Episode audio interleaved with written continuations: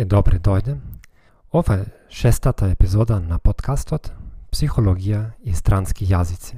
Јас се викам Геат Обанд, јас сум психолог, автор на книги и наставник по германски јазик. Јас не сум експерт по македонски јазик.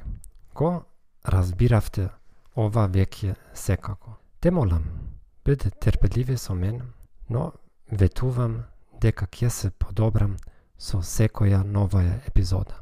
Ако не, не одамна го откривте овој објави, најпрво проверете ги на новите епизоди. Квалитетот ќе биде многу подобар од колку во првите епизоди. Сега да започнеме со нашата тема денес. Темата на денешната епизода е погрешна стратегија за избегнување на грешки. Никој не сака да прави грешки на странски јазици. Во минатото, учи, учителите во училиштата не казнија. Родителите не прекинаа. Учениците се смеја на нас. Често пати се чувствуваме виновни или засрамени од како некој не поправи. Затоа многу заставници по јазик мислат дека треба да избегнуваат грешки по секоја цена. Ова е многу опасно и непродуктивно.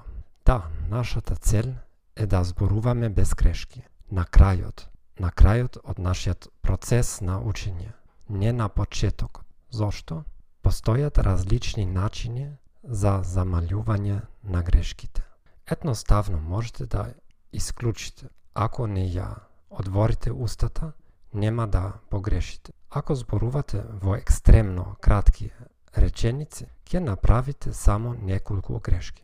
Ако запомните реченици, ќе направите неколку грешки. Повеќето наставници по јазик усвојуваат една од горе наведените стратегии. Ова е многу глупаво.